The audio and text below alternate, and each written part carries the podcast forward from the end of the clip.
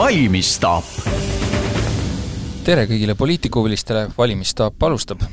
riigikogu valimiste esimene kulminatsioon on äh, kohe käes, hääled saavad äh, tänasega antud, äh, päris lõpp see muidugi veel ei ole, sest et pärast seda alles nii-öelda suu-show või teine vaatus algab, aga siia vahele teeme väikese sellise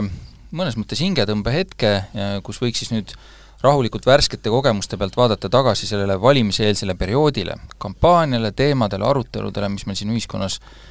toimunud on. mina olen Eesti Ekspressi ajakirjanik Urmas Jagant ja minuga koos on valimisstaabis äh, Delfi ja Eesti Päevalehe peatoimetaja Urmas Oonvald, tere! tervist! ning Eesti Päevalehe arvamustoimetusest äh, Krister Paris, tere! tere! No kuna küsimus, mis oli valimistel põhiteema, oleks üsna loll, muidugi oli see Ukrainas äh, toimuv sõda ja julgeoleku küsimused, siis ma küsiks hoopis nii, et kui lähedale said sellele üldse mingid teised teemad äh, ja, ja millised need olid? ma vastaks sulle niimoodi, et Ukraina teema jõudis kahtepidi valimistesse. üks on see tõesti, et agenda dikteeris sõda, sõja siis ütleme, sõja lõpu toetamine, läbirääkimised, Eesti oli esirinnas läbi peaministri, aga sõda jõudis minu arvates ka valimistesse niimoodi, et Eestis kuni võib-olla viimase nädalani oli vähem kaklust omavahel. ja minu oletus on see, et selline noh, seljad vastamisi Eestis siiski koos olles äh, ja seda negatiivsust püüdes vähendada, sest sõda on niikuinii meid äh, nagu pidanud kokku lükkama, kokku ajama ja koos sundima olema rohkem, et ma arvan, et see mõju on ka niipidi, et, et atmosfäär on läbi selle olnud natuke rahulikum sõja tõttu, mis on meist tegelikult äh, väga lähedal. et sõjal on mitu, mitu mõju olnud, aga aga teine, teine teema, noh, ütleme, teine teema sõja kõrval on kahtlemata mida on püütud ajada, aga minu arvates ei ole tuld võetud, on majandus majandus ja, ja,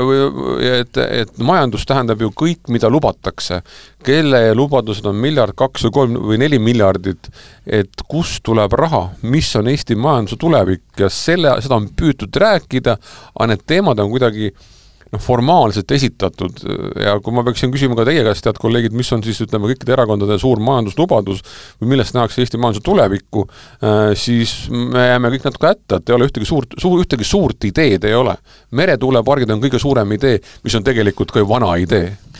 jah, et, et Eesti võib-olla tõesti on minemas hästi paljuski noh, reaalselt vasakule, nagu ütleb Indrek Neivelt, et isegi kui me seda päriselt ei tunneta, siis ikkagi valdavalt käib debatt selle üle, et missugune peaks olema heaoluriigi tase, et mida võiks veel nii-öelda üldisest hüvest kinni maksta. aga ma ütleks ka, et võib-olla on huvitav just olnudki see, et mida sõda ei ole teinud, mida sõda ei ole mõjutanud, ehk ilmselt meist väga paljud arvasid oktoobris, novembris, kui energiahinnad lendasid taevasse, kevadel saab olema väga-väga halb olla. jah, Eesti majandus näitab nominaalselt neli koma üks protsenti majanduslangust, aga inimesed seda niimoodi ei tunneta, töökohad on alles, ehk siis seda noh, katastroofi stsenaariumit ei ole kuidagi realiseerunud ja see on kindlasti võtnud osaliselt pingeid maha jah, ma mõtlen ka, et ega seda, ega seda nii-öelda majanduslanguse protsenti ju tegelikult kunagi niiviisi otse ei tunneta, et ma rääkisin siin üks hommik ühe poliitikuga, kes täitsa siiralt naeris, et kujutad ette, praegu meil olukord, kus majanduslangus on neli koma üks protsenti ja see põhimõtteliselt mitte kedagi ei huvita, et, et igas muus riigis, igas muul ajal tähendaks see ikkagi seda, et äh, valitsev erakond noh, tal ei oleks mingit lootust ka et äh, isegi kui inimesed seda otseselt ei tunneta, isegi kui inimesed täpselt ei tea, mismoodi see skp, eks ole, kokku arvutatakse, et äh, mulle tundub veidi, et tõesti äh, see, mis äh, sa, Urmo, ütlesid, et äh, see sõda kuidagi nii-öelda pani seljad kokku, mul, mulle teistpidi tundub, et see ka nagu tuimestas mingil määral või või kuidagi muutis, muutub kuidagi inimesed äh, tuimemaks, et Äh, jah, me nägime mõningaid katseid teiste teemadega nagu pilti tulla äh, just, just selle majandus, majandusvaatest, aga see nagu ei, ei murdnud nagu läbi või inimesed olid selles suhtes, mulle tundub, nagu natukene tuimad. Inimesed on tuimad tegelikult ja see pole üldse etteheide inimestele, see on inimesed, hästi loogiline, et et, et Covid, kaks aastat Covidit, üks aasta sõda on inimestel nagu selle valuläve ära võtnud, inimesed ongi vastuvõtlikumad, leplikumad, mõistvamad kõikide selliste nagu teravuste suhtes, et ja, ja inimesed ei tule kaasa ja nad ei, ei genereeri täiendavaid pingeid iseendale ja ühiskonnale. ja veel majandusest rääkides, et tõesti, Äh, majanduslangus miinus neli koma üks protsenti viimases kvartalis, aga kui sa käid ka praegu mööda Tallinna linna, siis on nagu ka hilisõhtul ja varahommikul on kõik kohvikud on pilgeni inimesi täis, et nagu majanduskriisi ei tunneta üldse. ja Covidi puhul, mismoodi riik on panustanud nii Eestis kui mujal, on selline klassikaline majandusmudel on loksumas. Et see klassikaline majandusmudel kahjuks ei tööta praegu, et jätkuvalt on ootus, et riik aitab ja küll riik kunagi appi tuleb ja riik on ka tulnud appi ka selle energiahindadega, Covidi ajal aitas, et võib-olla me kas me üldse enam jõuamegi tagasi sellisesse klassikalisse majandusmudelisse, mis oli siin aastaid-aastaid tagasi? jah, ma tahtsin umbes samale kohale jõuda, et see on tegelikult ju peegeldub ka mujal maailmas, et ka näiteks Ameerika Ühendriikides on väga kõrge inflatsioon ajaloolises mõttes, aga sellele vaatamata inimeste kulutused üldsegi ei väheneks, siis inimesed on hakanud harjuma, et noh, küll mingi hetk tuleb riik ja, ja välja aitab. nii et eks siis näis tõesti, missugune saab see olema, aga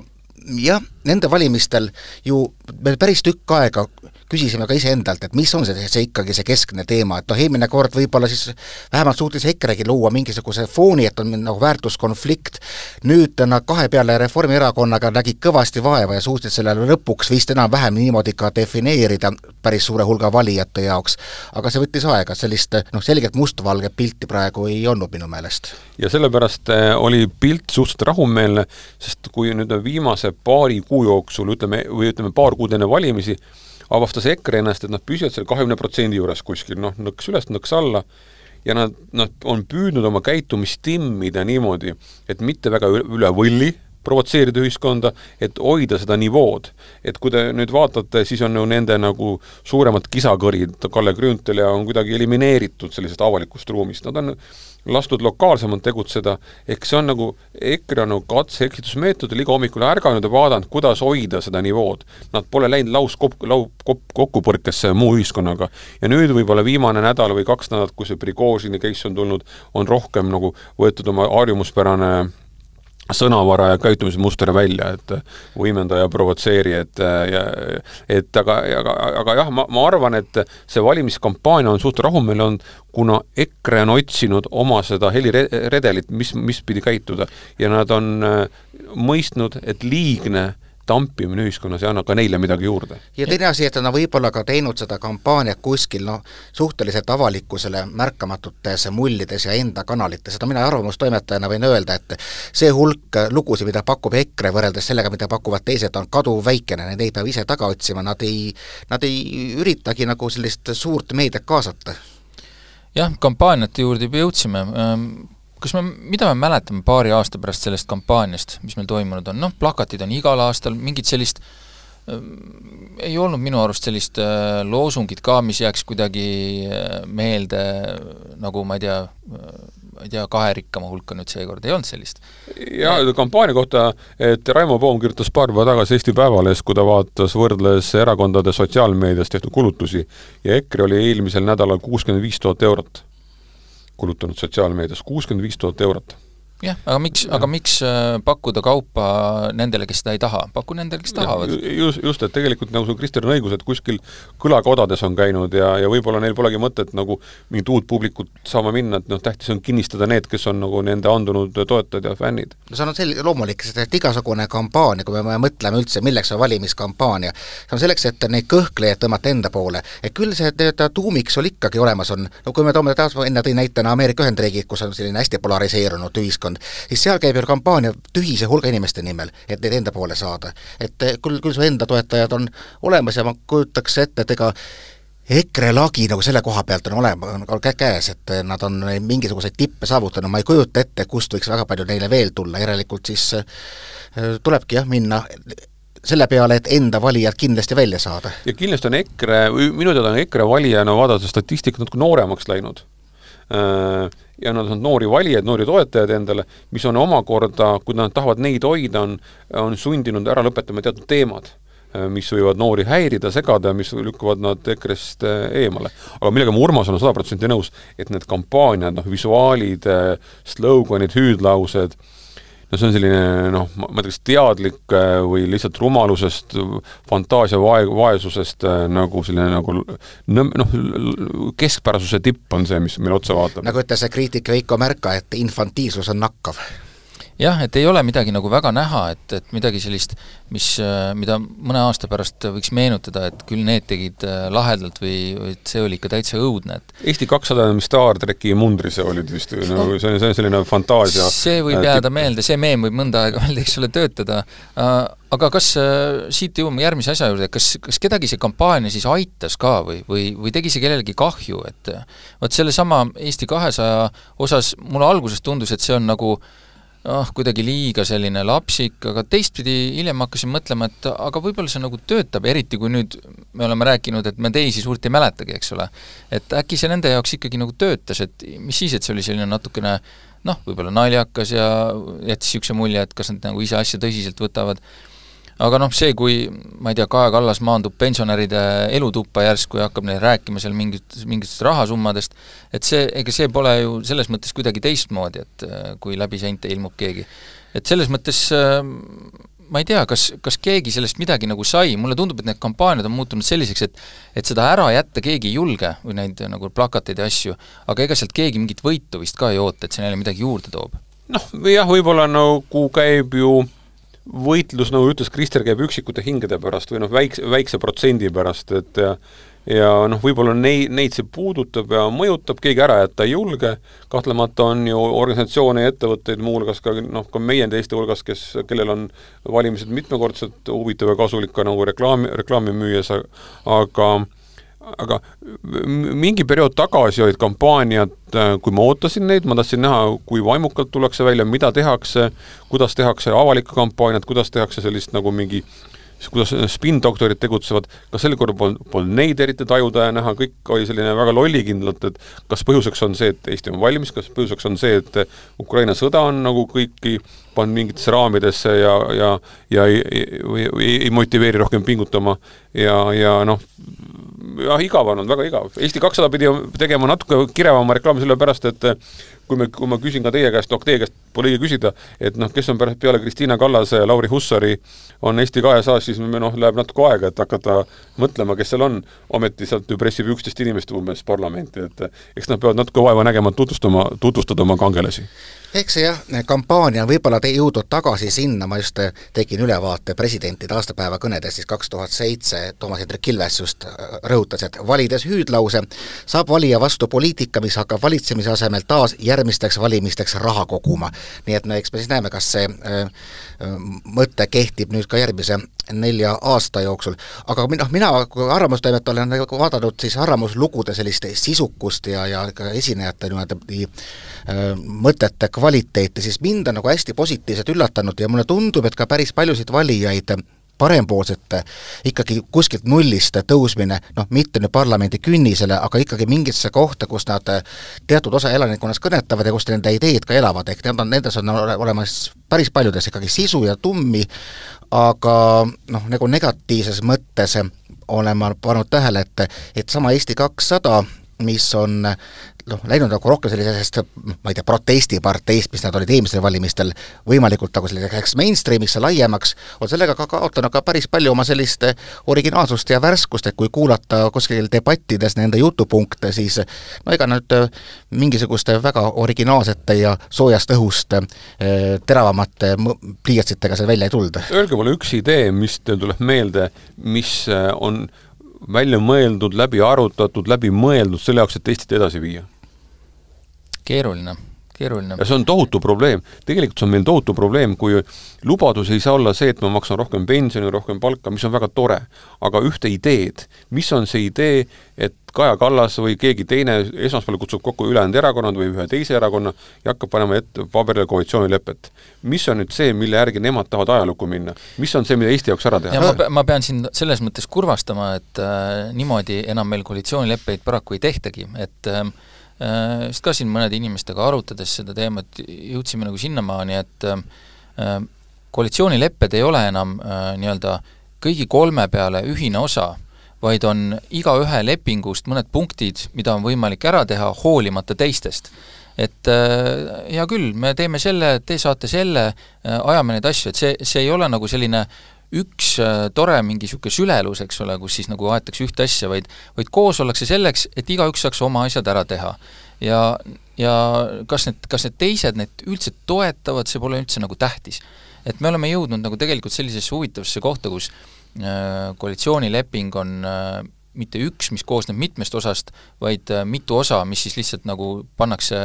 konkreetsel korral nagu ühe kausta vahele ja ongi kõik. jah, aga ütleme, see on probleem. et mind tohutult häirib see, et me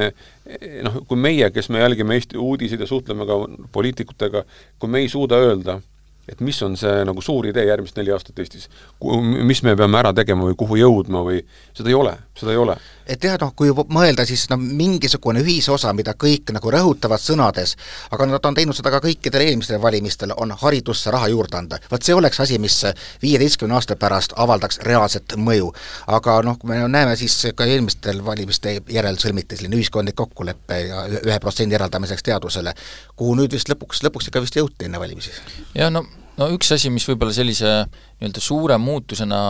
võib nagu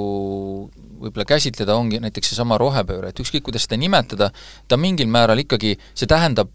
see ei ole niisugune asi, et äh,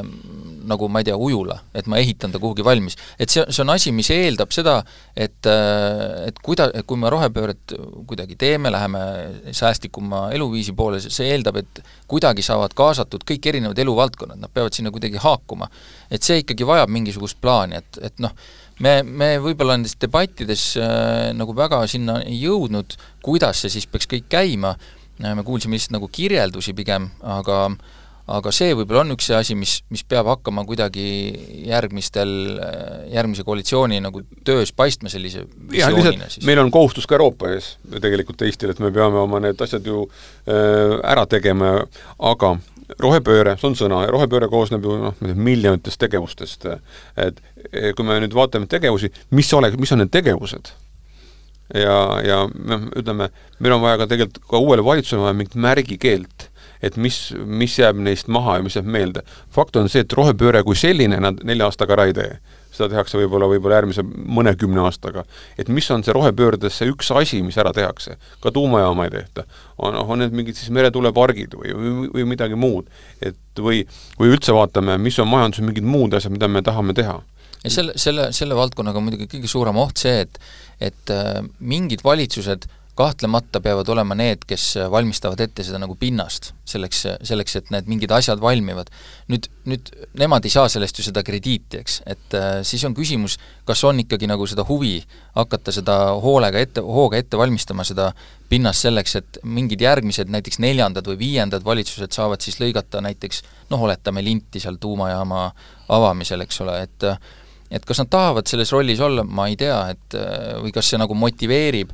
kui, kui need nii-öelda käegakatsutavad tulemused nii kaugele jäävad, aga noh, see, võib-olla läheme siin natuke no see on hea, hea näide, hea näide on ju, ütleme, rohepöördes küll hästi kaugel olev asi, aga mis äh, valitsuse ajal pandi hoog sisse Tallinn-Tartu maantee neljarealiseks ehitamisele Mäoni? no jaa, see oli Taavi Rõivas. sellest maanteest jätkub kindlasti kõikidele valitsustele, selle, selles ei ole nagu kahtlust. üks asi veel, mis puudutab neid kampaaniaid, äh, kuhu jäi kompra äh, konkurentide kohta, minu arust oli seekord ka seda väga vähe, et, et sellist äh, oma konkurentide ütleme, kui valimiste vahelisel ajal on peamiselt ajakirjandus see, kes jälgib erakondi, siis valimiste eel äh, passitakse üksteist ka ikkagi väga tugevalt, et kas paistab kuskilt silma, et keegi teeb mingit siga või on kellelgi mingisuguseid mingisuguseid muid asju, mida välja tuua, vahel hoitakse mingeid asju ka sahtlisse, et neid tuua strateegilisel hetkel avalikkuse ette, et siis äh, konkurenti äh, nii-öelda vaipa jalge alt tõmmata, ei olnud vist väga selliseid asju. no kui me kuulame EKRE-t, siis äh, suutsime me meie, Kaja Kallas või siis hoopis NATO orkestreerida ka Politicosse artikli Prigožinist. ma mõtlesin, kas ma ütlen seda nagu jutumärkide iroonia võtmes, et Politico ju on meil kaks artiklit olnud viimase kahe nädalaga, et siis Hendrik Kololeist ja no loomulikult see Prigožini kaasus, aga vaata, enne ma ütlesin ka, et neid kampaaniad, kui noh, kui ma ütlesin, pidasin silmas spin-doktorit, keda pole näha, see oligi see, et et kõik on sellist väga, väga vaikselt äh, jooksnud, et aga võib-olla, võib-olla on seal taustal ikkagi äh, ka see, et mõeldakse selle nii-öelda valitsusse pääsemise peale või rohkem kui, rohkem kui varem, et ütleme, kui Keskerakond teadis äh, omal ajal, näiteks Savisaare aegadel, et sinna mingit lootust ei ole, no siis võis ju kütta nii palju, kui tuleb. et nüüd kas saab ikka nagu päris ära rikkuda nagu suhteid, et poliitikud teavad, et debatid on nagu niisugune väike etendus, üksteise peale karjumine, noh pärast juuakse rahulikult kohvi ja arutatakse pärast sedasama debatti, et kellel kuidas läks ja nii edasi, et äh, võib-olla nagu niisugune riskijulgust hetkel ei ole väga, äh, sest et väga palju on mängus. see on tõsi näiteks, kui meil on selline huvitav projekt olnud nagu varivalitsus, siis mida lähemale valimistele, seda nürimaks need artiklid muutuvad, ehk ilmselgelt ka ette söödetud jutu sellistele äh, võimalustele ära anda, neid ei võeta vastu, neid ei neelata alla, sealt ei tule midagi vastu. Ja kuigi need poliitikud, kes meil täna on, et äh, nad võivad täna oma, omavahel kakelda tele-eetris või kuskil leheveergudel või portaalis, aga noh, me mäletame küll lugusid, mis, et täna kaklevad ja siis homme, homme nad teevad koos valitsuse ja siis otsitakse kellegi poliit-, poliitiku tsitaate teise poole kohta. no see on ka selle mängu osa, mäng, mängu osa praegu, et sa mainisid Savisaart, et jah äh,, lahkunud Edgar Savisaar vähemalt oli selline erakonna esimees, kellel olid mingid ideed suuremad kui elu ise mõnikord, mis ta tahtis, aga olid mingid ideed. ma jõuan vist juba neljas kord siin viimase poole tunni jooksul selle juurde, et ega, ega ei ole erakondadel ideid. ja, ja, ja mind teeb see kurvaks, mind teeb see, mind teeb äh, mind teeb kurvaks see, et erakonnad ei julge, ma ei kasuta sõna riskida, et nad ei julge teha suuri plaane. võib-olla sellepärast, mida Urmas ütles, et siis hakatakse tegema koalitsioonilepet ja suured asjad visatakse välja ja võetakse sellised kesk, kesk, kesk, keskmised asjad, mille, mille ümber ehitatakse koalitsioonilepe, aga et kui sa ei mõtle su-, kui sul ei ole suuri plaane, siis sa nagu jäädki eh, nagu, nagu nirutama ja narutama väikeste asjadega. no sellega võib natuke selles mõttes vaielda ka tegelikult, et äh, me ei saa öelda näiteks, et Isamaal ei ole suurt plaani. Nende, mis iganes see tulemus peab lõpuks olema, selle näiteks selle sündivuse ja perepoliitika osas, kui me vaatame nende tehtud asju nagu üksteise niimoodi jorus, siis ma ütleks, et mitte keegi ei liigu sihikindlamalt oma sellise nii-öelda idee või plaani poole, äh, kui Isamaa seda teeb, et järjest tehakse lihtsalt üksikuid, see, mida on parasjagu võimalik teha ära, sellest, osa sellest plaanist, see nagu tehakse. et noh, mis eesmärgil või kelle nagu soovil või kelle mõte see idee see tegelikult on, äh, noh, hea küll, aga, aga see on okay, nagu olemas, mingi siht, mis on nõus, kaugemal. nõus, ma nüüd olen küüniline Isamaa aadressil ja aga mina pidasin silmas suuri asju Eesti jaoks no teine asi muidugi, me peame, noh, poliitikud ka ilmselt tunnetavadki seda, mis nende mängumaa üldse on. kui palju meie eelarvest on lukus üle? üle kaheksakümne protsendi, viimati kui ma vaatasin, oli kaheksakümmend kolm, ma arvan, et tänaseks siis äkki isegi rohkem, ehk siis nagu rahaeralduste koha pealt on mängumaa väga väikene, ka seadusloome koha pealt äh, märkimisväärne hulk meie seadus, seadusi algatatakse lähtuvalt Euroopa Liidu direktiividest, ehk siis meil ongi nagu, me oleme üsna väike, väikeses koridoris ja me saame küll mõelda, et kas tahame Eesti Nokiat, nagu tahtis Lennart Meri, või siis me ei, ei taha seda, nagu ütles Toomas Hendrik Ilves, ehk siis anname pigem äh, võimalikult väikese bürokraatiaga turujõududele võimaluse tegutseda, riik saab sinna üsna vähe midagi ära teha üldse ütleme, riigi probleem on see, et äh, või mis on öelnud ka tänane valitsus, et riik ei taha võtta laenu või valitsus ei taha võtta laenu jooksvateks kuludeks. et sa võtad laenu siis maksad rohkem palka ja, ja aga ütleme, ma arvan, et iga valitsus on nõus, et investeeringuteks nende investeeringute jaoks, mis, mis tagab parema infra, infra või rohkem uue, mingi uued, uued töökohad või uue, uued, uued ühiskondlikud võimalused, minu arvates see on okei okay küll ma olen kahe käega vastu, et võtta, võtta laenu, hakata palkadeks maksma. jah, aga seda meil just tehaksegi, selles mõttes, et äh, ei ole olnud mingi probleem poliitikutele öelda, et äh, mis te räägite, et äh, haridus, see on investeering. õpetajate palgad, need on investeering ja kuidas sa, kui sul istub näiteks kõrval mõni õpetaja, kuidas sa ütled, et ei, te ei ole investeering, te olete palgakulu, kuidas see Jürgen Ligi ütles kunagi, kuluministrid ja tuluministrid, eks. et te olete ju nagu puhas kulu, et et äh, mingeid kulusid muidugi peab tegema, et äh, selles mõttes sellest mööda ei pääse, aga tõepoolest äh, noh, ütleme selle laenude osas on mingi, mingi periood ilmselt mööda lastud, kus kus võib-olla oleks võimalik olnud teha nagu rohkem investeeringuid. aga veel selle nii-öelda mööduva nagu perioodi juurde, et kas, kas keegi nagu üllatas ka millegagi mm, selle, selle kampaaniaperioodi jooksul, me nägime, eks ole, uusi tulijaid jällegi, need olid olemas meil, juba jõudsime rääkida, et kampaania tegelikult mäletate, enne räägiti sellest, et tuleb jällegi aegade kõige nagu jubedam, selline mustem, et ma ei tea, võib-olla mõned ootasid, mõned ei oodanud, noh, me saime sellise, et ei olnud kindlasti, ma arvan, kõige hullem aga üllatas keegi millegagi? tead, mind isegi natukene üllatas kõikide peaaegu äh, erakonna esinumbrite esinemisoskus debattides, noh, olid nõrgemaid debatte, olid tugevamaid, aga neil olid nagu noh, enda jutupunktid olid korralikult ette valmistatud ja nad suutsid neid argumenteeritult esitada, ehk siis see, see, kes tõesti tahtis võib-olla teadmiste põhjal mingisugust valikut langetada, sellel see võimalus oli. Mind äh ma Kristeriga ei saa, ei saa lõpuni nõus olla, et minu arvates jätkuvalt need debatid, kus on väga palju inimesi, seal ei tule välja inimeste oskused, aga pigem inimeste kogemused esineda avalikult. aga mis mind on üllatanud viimase kahe, kolme, nelja päeva jooksul, on see, mismoodi Isamaa otsib EKRE-ga nagu tüljemineku ajendeid või kuidagi tahab EKRE-st eemalduda. on need Reinsalu avaldused, on need siis Seederi avaldused, et et ma pole varem märganud, et Isamaa niimoodi tahaks erineda EKRE-st. kas see on nüüd sisuline või, või mingi osa mängust, aga see torkab silma ja see mind üllatab küll vähemalt, noh, ma pean silmas, et Prigožin andis Isamaale ajendi hakata EKRE-t nüpeldama. no kindlasti vaata, see on sama asi, kuna minu hinnangul on mingisugune ikkagi päris tugev valijate ühisosa, siis kui nagu käib seesama nii-öelda ääre nimel võitlus, siis see on täpselt koht, kus lihtsalt haisteti võimalust ja, ja Isamaa on püsinud ju äh, viimased sada aastat seal kaheksa-üheksa protsendi peal ja noh, ja, ja EKRE tuli ja hüppas, noh, on juba väga pikalt kahekümne protsendi peal olnud no kuidas me parempoolseid vaatame, et noh, nad on selles mõttes üllatavad kindlasti, üllatasid kindlasti sellega, et äh, nad said oma selle nii-öelda nimekirja ikkagi kokku, mida ju tegelikult väga ei usutud neist, noh, parlamenti pääsu praegusel hetkel on nagu väga suhteliselt keeruline ennustada, aga samas, kui vaadata, et Eesti kakssada on selle läbi käinud, selle tee, jäänud ühe korra välja ja suutnud jääda e-, erakonnana siiski püsima, kuigi mulle seal pärast valimisi tundus, et ikkagi läheb nii, nagu läheb, inimesed lähevad oma igapäevatöö juurde tagasi ja jääb niisugune klubiline kooskäimine võib-olla, aga ei, ei läks paremini. et noh, mõnes mõttes võiks öelda, et ka parempoolsetel võib-olla on vaja see test läbi teha, et kas te olete valmis nagu koos püsima ühe sellise vahe, aga aga mõnes mõttes on nad siiski nagu üllatanud, et kuigi noh, ütleme sellise vaatega vist eristuda ei ole väga raske hetkel, et äh, nad ei pea seda ellu viima hetkel, mis praegu on hea rääkida kõike seda, et me oleme kõike neid, mida teised enam ei ole. no jaa, aga see kindlasti nad natukene ka mängivad sellisele nostalgiale, sellisele vana aja Mart Laari Isamaa valijale ja siis võib-olla alguse Reformierakonna valijale. Äh, et neil noh, selgelt selline nišš ühiskonnas, mis neid toetaks, on olemas, nende praegune võib-olla suurim nõrkus ongi teadmine, et nad sisse ei pääse, ja teine asi, mida nagu paremliberaalse ploki mm, valijad eh, ringutavad käsi ja ahastavad, et kuulge, aga miks te olete kaks eraldi jõudu, miks te ei pannud käed kokku Eesti kahesajaga ja läinud ühe tugeva jõuna sisse? praegu ta lihtsalt tegelikult parempoolsed söövad ära sama valijagrupi hääli, kes toetaks neid mõlemaid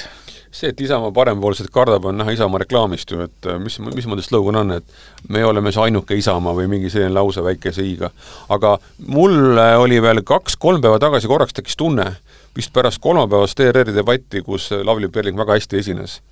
äh, mul tekkis korraks tunne ja vaatasin ka sotsiaalmeediat, rääkisin paari tuttavaga, et äkki nad seda kompavad kuskil nagu peale aega viie protsendi piiri, aga noh, pigem nad ei kompa seda vist kokkuvõttes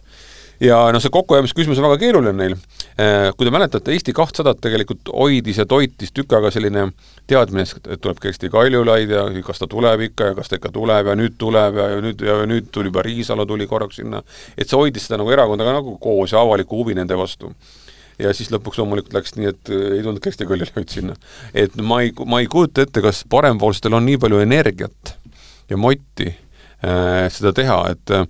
ma, kui ma vaatan seal nende inimeste silmi, siis eh, noh, Tõnis Kons kindlasti noh, võiks olla aju edasi, kas Lavly, Lavly Perlingul endal on jõudu nii palju muude asjade kõrvalt, oma põhitöö kõrvalt erakonda vedada,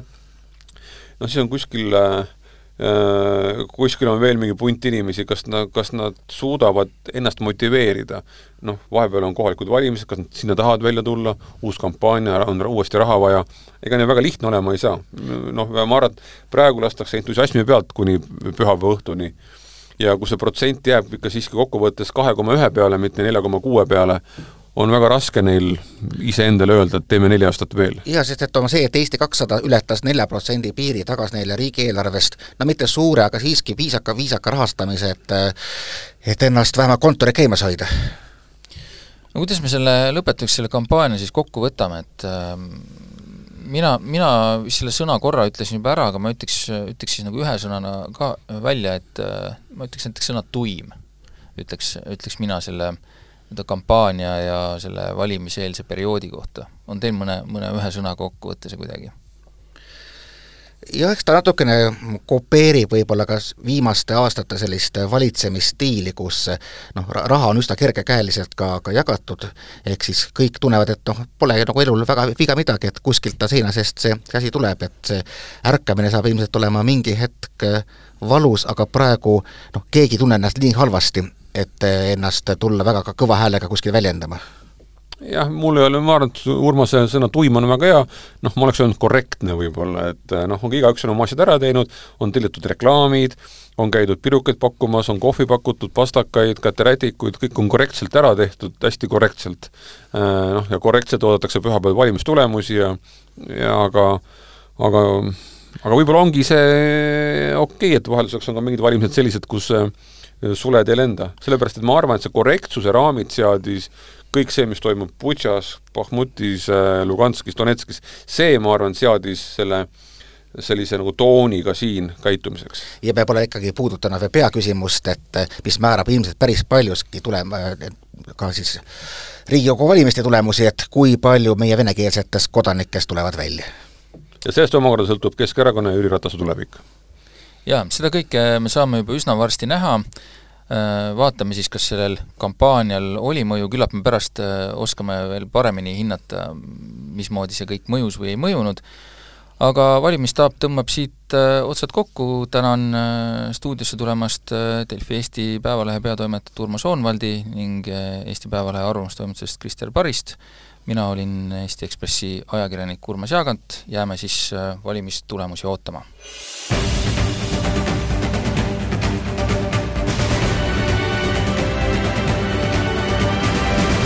Valmistaap